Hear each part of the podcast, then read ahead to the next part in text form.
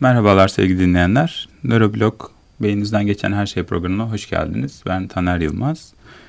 Bu hafta e, gördüğüm bir e, makalenin bende çağrıştırdıkları üzerinden biraz insan doğası ve düşünce üzerine konuşmak istedim.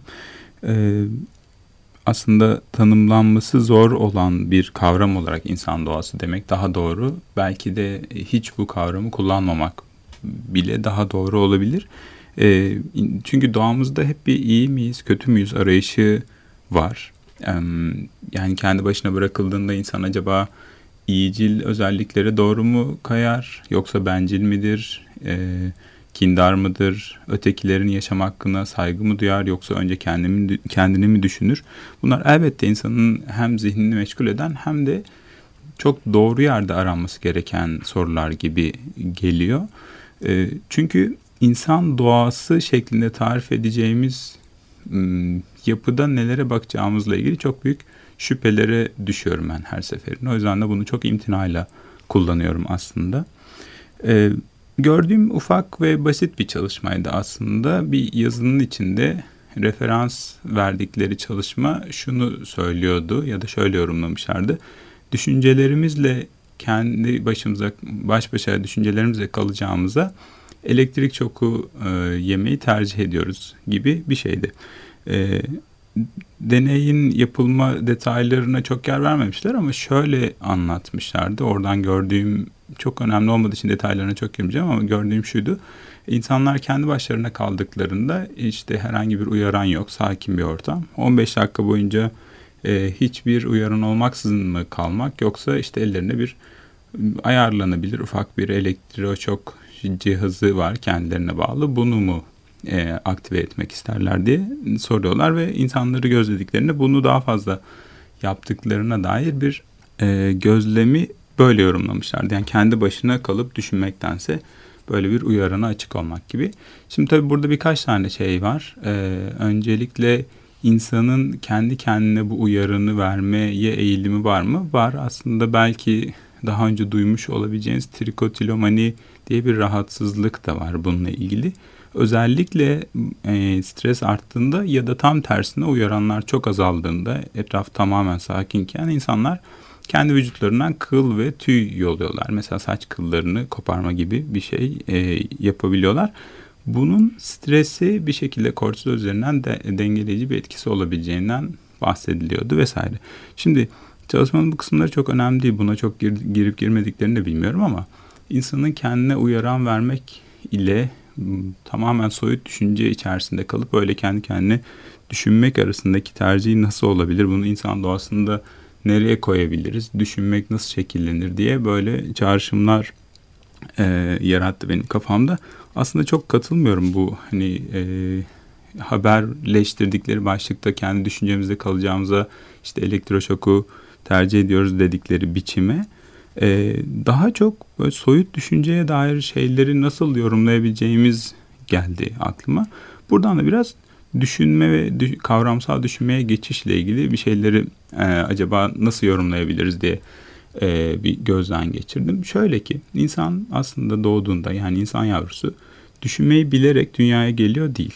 E, sonradan kazandığı bir yeti düşünmek. Soyut düşünce zaten daha sonra geliyor ama düşünce de yok. Aslında insan diğer e, hayvanlara benzer biçimde doğal olarak e, bir duyumsama, bedensel algılar ön planda olarak doğuyor. Zaten hani daha yeni gelişen ve daha üst e, nitelikleri taşıyan, daha kompleks yapısı olan neokorteks denilen beyin kabuğu da ileri yaşlarda daha iyi e, gelişime, gelişimini tamamlayabiliyor. Örneğin miyenizasyon gibi. Bunlar olmadan önce insan da diğer canlılar gibi duyumsayan diğer canlıların yavruları gibi diye düzelteyim. E, duyumsayan ve bu bedensel duyumları anlamlandırmaya çalışan bir konumda. Şimdi bu konumdan soyut düşünceye geçiş arasındaki kısım da gerçekten e, çok üzerine tartışılan alanlardan biri. Çünkü anladığımız manada hani bilinçli olmak e, kavramında buraya bir yere e, oturttuğumuzu düşünebiliriz. Yani sadece uyanık olmaktan farklı bir şey midir bilinçlilik bunu tartışmak gibi bunu kastediyorum. E, soyut düşüncenin gelişimine ilişkin çeşitli biyolojik ve nörobiyolojik kuramlar elbette var. E, ama bunun yanı sıra e, psikanalitik kuramlar da var. E, ben biraz bundan da bahsederek biraz konuyu genişletmeye çalışayım. E, Bion e, yazılarında bu düşüncenin gelişimi ve psikotik düşünceye dair çok şeye değinmiş. Bion bir psikanalist. E, ve e, aslında insanın gerçekle gerçek olmayın ayırt etmemesine sebep olan süreci incelemiş ve hani diğer psikanalistlerden farklı olarak onu ön plana çıkaran da psikotik bozukluklarla yani gerçeğin elde edilmesine ilişkin zorluğu zorluk yaşayan insanlarla çalışmıyor çalışmış olması. Bu minvalde çalışmalarını biraz düşüncenin gelişimi üzerine de e, kurmuş ve burada aslında daha önceki psikanalitik kuramdan biraz farklı şeyler de öne sürmüş. Sadece Bion değil ama onun e, işte görüşlerini paylaşan e, psikanalistler şöyle diyorlar kısaca ve kabaca söyleyeceğim bunları. İnsan yavrusu bu düşünmeyi bilmeme halinde dünyaya geldikten sonra düşünceyi geliştirirken bir öteki e, kişiye ihtiyaç duyar. Bu bakım veren ya da hani çoğunlukla e, kısaca söylediğimiz gibi anne. E, bu öteki zihin ile temas aslında sadece bir temastan ibaret değil. Yani karşıda bir zihin olduğunu bilmekten ibaret de değil. Şöyle bir şey var diyor Bion. Bebek yani insan yavrusu düşünmeyi bilemediği için e, karşısındaki bu işte durumla bu bedensel duyumsamalarla baş etmek için bir rehberliğe ihtiyaç var ve bunu başka bir zihin yapabiliyor. Bunu yapan işte o bakım verenin zihni. Aslında bir yandan e, annenin ya da bakım verenin zihnini ve ruhsal kapasitesini ona ödünç verdiğini ve soyut düşünceye doğru geçişi böylece oluşturduğunu söylüyor. Yani aslında e, insan yavrusu doğduktan sonra düşüncelere e, düşünceyi geliştirmek yerine var olan düşüncelerle baş etmek için düşünme yetisi geliştirir diye söylüyor bunu. Yani dışarıda bir yerde düşünceler zaten vardır. Biz de bunlarla baş etmek üzere düşünme yetisi geliştiririz. Bunların e, önemi nedir? E, şöyle bir şeyden bahsediyor aslında. Daha önceki psikanalitik kuram ve Freud'un söyledikleri içinde bir ötekine ya da bu ilişki e, durumuna hani bakım veren ya da anne ile kurulan ilişkiye pek vurgu e, görmüyoruz. Elbette var ama hani bu şekilde düşünmeyi geliştirme kısmında düşüncenin aşamaları kısmında çok fazla detaylandırılmış değil. Bion'un burada bir fark yarattığını görüyoruz aslında. Bunun önemi biraz şöyle çıkıyor. Bebek yani insan yavrusu en başta sadece duyumsamalar ve ön kavrayışlarla yaşıyor. Yani kendisinin yaşantıladığı durumu, fiziksel algıları bir anlam çerçevesine oturtmuş değil. Bunu yapabilmesi için bir anlamlılık kazanabilmesi için de gereken şeylerden birisi zaten zihni söyledik bir zihnin rehberliği gerekiyor. İkincisi de biraz eksikliklerle ilgili bir hüsranı tölere edebilmek gerekiyor. Yani aslında tölere etme biçimlerinden biri diye de düşünebiliriz bunu düşünmeyi. Ee, şöyle ki e, aslında her durumda hiçbir hüsran yaşamadan var olmak mümkün değil ama yani kurgusal olarak öyle bir şey olsaydı kişinin insan yavrusunun kendi iç dünyasından dış gerçekliğe doğru geçmesi mümkün olmazdı. Şunu kastediyorum. Fantastik bir evrende bütün ihtiyaçları tamamen e, önden karşılanan, kendisinin hiç talebine bile ihtiyaç olmayan bir durum hayal edin. İşte anne karnında olduğu gibi. Çünkü zaten bir talep edecek özne olup olmadığı da belirsiz orada. Ayrışma çok sınırlı. Ee, ve bu durumda iç dünya ile dış dünya gibi bir ayrım yok. Yani gerçekliği anlamakla ilgili bir e, şey uyaran, bir ayırt edici bir e, pozisyon gerçekleşmiyor. Ama bir hüsran ortaya çıktığında, hüsranla kastettiğim beklentilerin e, arzulandığı gibi yerine gelmemesi. Örneğin işte acıkmak gibi, işte ne bileyim karın ağrısı çekmek ya da uyuyamamak gibi bir bebeğin yaşadığı. Bunlar yatıştırılabilir elbette. Ama yatıştırıldığında dahi hiç karnı acıkmadığı ya da hiç e, can acısı çekmediği durumu kaybetmiş olur. Yani burada bir bir şekilde gerçekliğin bedensel algılarla insanın zihnine girmeye çalıştığı bir durumdan bahsediyoruz. Böyle olunca da bu durumu anlamlandırmak için bir yardıma ihtiyaç var. İşte düşünmeyi e, bir başka bir zihnin rehberliğinde öğrenmek biraz böyle bir şey. Burada hüsrana uğradığında e, insan yavrusu eğer bu hüsranın yarattığı kaçınma çok çok çok fazlaysa yani hiçbir şekilde buna katlanamayacaksa zaten bunu reddetmeye çalışır. Yani tamamen iç dünyasında kapalı kalmaya çalışabilir ve bu Biyon'a göre bu düşünme yetisini geliştirmeyi bile engelleyebilecek bir boyut. Eğer bu hüsran hani o kadar kaçınmayı tetiklemiyorsa ama yine de çok da e, iyi tolere edilemiyorsa o zaman da şöyle bir şeye doğru gider insan diyor. E, bu hüsranı kabul etmeye çalışır ama kabul ederken de kendisinin bu hüsranı yaşamadığına inanmak gibi ya da tabii ki çok daha fazlasıyla baş edebilirim ben gibi bir büyüklenmeci tavıra sarılma ihtimali yüksektir diyor. Buna yapılmaya çalışan e, aslında insan yavrusunun yapmaya çalıştığı şey e, yaşadığı bu zorlanmanın üstesinden gelmek için narsistik bir tutum sergilemek gibi düşünebiliriz. E, bunu yapmaya başladığında ise gerçekliği değerlendirme biraz bozulur ya da çarpıtılmış olur diyor bir an. Yani şöyle bir şeyden bahsediyoruz. Ee, dışarıdaki gerçeklik onu hüsrana uğratıyor ama aslında o kadar da uğratmıyor. Çünkü kendisinin hepsine gücü yeter ya da kendisinin her şeyi bildiği yönünde bir kabulü vardır. Bu baş etme mekanizması e, olarak düşünülebilir bu zorluklarla. Ama yine de rasyonel biçimde objektif düşünmeyi engelleyebilecek bir yanı olduğunu düşünebiliriz bunu. Çünkü dışarıdaki gerçekliği olduğu gibi değil doğru ve yanlışı kendi açısından bakarak kurmak zorunda hisseder. Aksine katlanmak çok güçtür.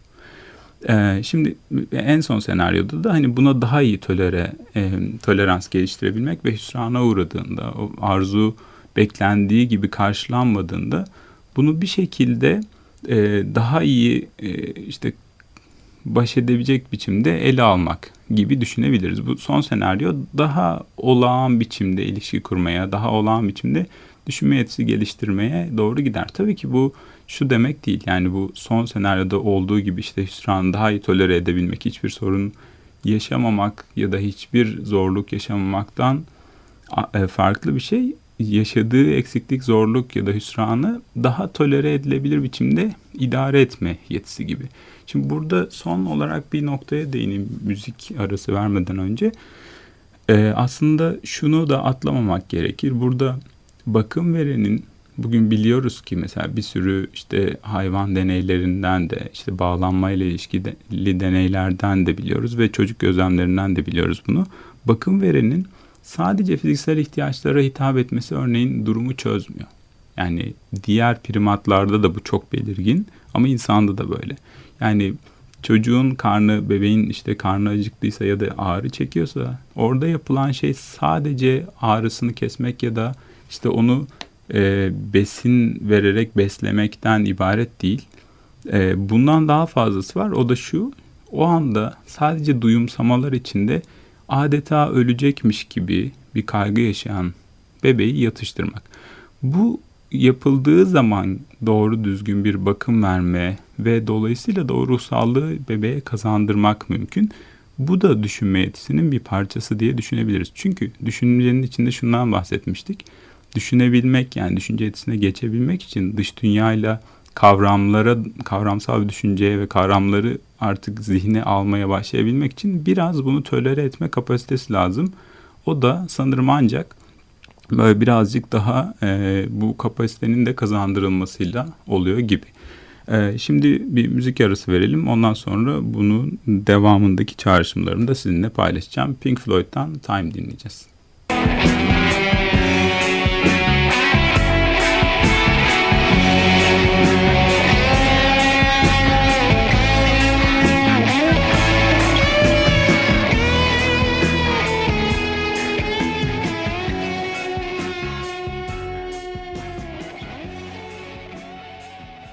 Merhabalar tekrar. Ee, bugün düşünceden ve düşüncenin gelişiminden bahsetmeye çalışıyorduk. Biraz da insan doğasıyla nasıl analojiler kurabiliriz, insan doğası gibi kavramdan bahsedebilir miyiz noktasından aslında e, buraya gelmiştik.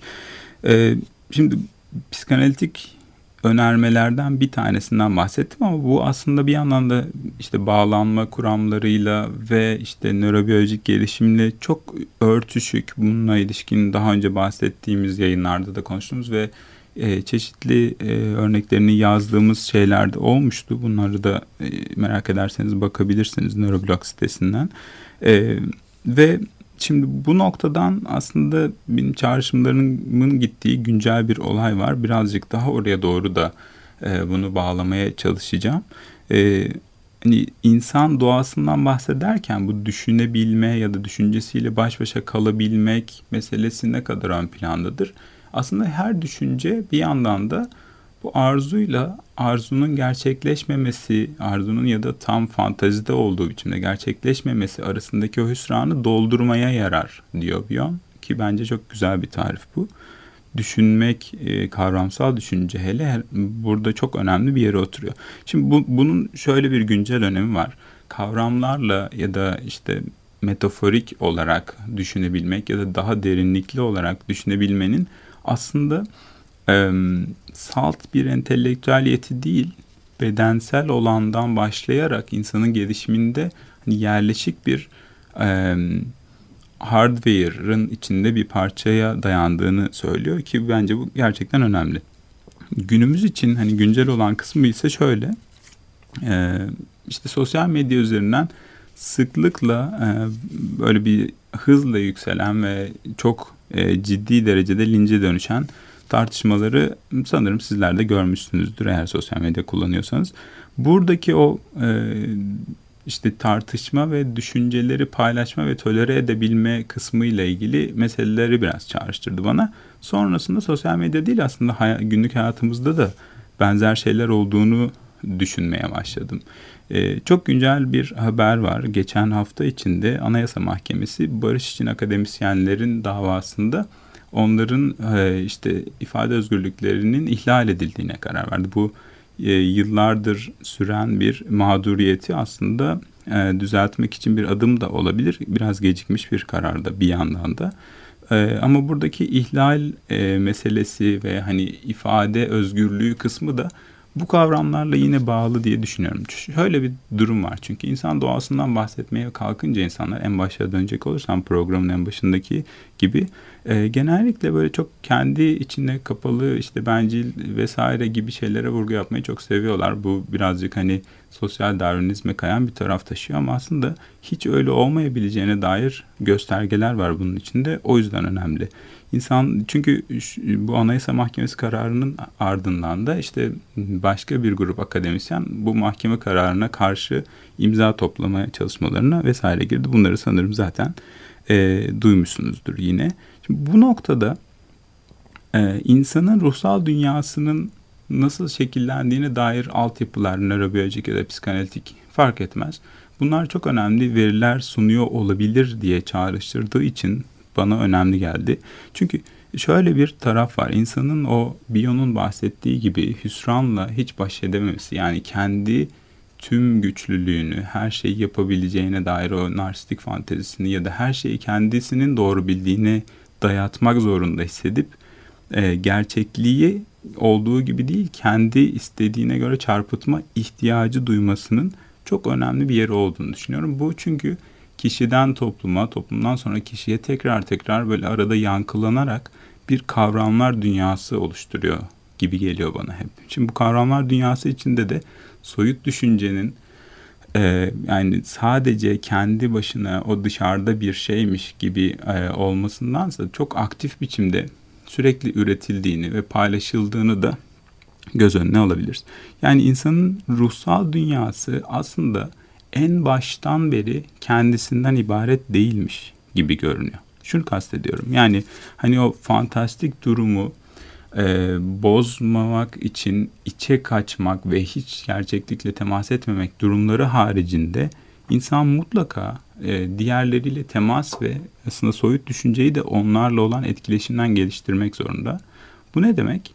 E, şöyle bir şeyden bahsediyoruz. E, şimdi bu barış için akademisyenler e, e, konusundaki çok, çok gecikmiş olan bir bu kararı da etkili olan taraf şu olabilir bence. E, yani ötekilerin alanını tanımak da ruhsal bir kapasiteyle de ilişkili görünüyor. Yani bu sadece entelektüel ya da romantik bir şey tırnak içinde söylüyorum bu romantiği e, romantik bir şey değil. Çünkü insanın ruhsal dünyasının kendisinden ibaret olması çok kısır ve çok kısıtlayıcı bir şey olurdu ki öyle oluyor. Bu şiddete de meyil verirdi ki öyle oluyor. O yüzden de insanın ruhsal dünyasında zaten en baştan beri e, bir şekilde ötekinin rehberliği ile başladığı için bir zihinselleştirme ötekilerin varlığına yer açabilmekle gelişiyor gibi. O yüzden de aslında e, hani bir şekilde entelektüel uğraşları olmak ya da bilgi sahibi olmaktan da farklı bir şeyden bahsediyoruz. İnsani refleksten bahsedebilir miyiz en başa dönersek? Yani insan doğasının içinde böyle bir şey var mıdır? Evet aslında bir yandan da çok temel bir yerde vardır. Ve insan eğer bir şekilde kendi hüsranını ve eksikliklerini tolere etme kapasitesini geliştirebiliyorsa bu soyut düşünceye geçerken aslında ötekilere bir yaşam alanı tanımak da bunun mecburi bir parçası oluyor. Bu aslında biraz daha genişletirsek Steven Pinker'ın galiba yazdıklarının içinde de böyle şeyler vardı doğru hatırlıyorsam aslında diğer hayvanlara ve doğaya yaşam hakkı tanımak da buradan aslında köken alabilecek bir kapasite gibi görünüyor. Ee, biraz toparlamaya çalışayım. Biraz dağınık oldu buraya kadar ama şöyle diyebilirim son söz olarak sanırım. Ee, insan doğasından bahsedebilir miyiz hala bilmiyorum. Ama insan doğasının içinde e, sadece bencil ya da sadece biyolojikmiş gibi bir algıdan bahsetmek gerçekten çok kısır bir bakış açısı gibi geliyor bana. Çünkü soyut dünyamız aslında bizim esas olarak kendimizi var ettiğimiz ve yaşadığımız yer ve orada da insan hiç tek başınaymış gibi görünmüyor. Dolayısıyla da insani etkileşim ve bu etkileşimin biçimi bir e, yazılım gibi o donanımın üzerine kurulmuş gibi görünüyor. İnsan doğasında aslında kendi biyolojik doğası, biyolojik kısıtlılıklarının ötesine geçmek için bunu reddetmek ve bunun üstüne çıkmak da var diyebiliriz. Bu da gayet insan doğasının bir parçası gibi görünüyor.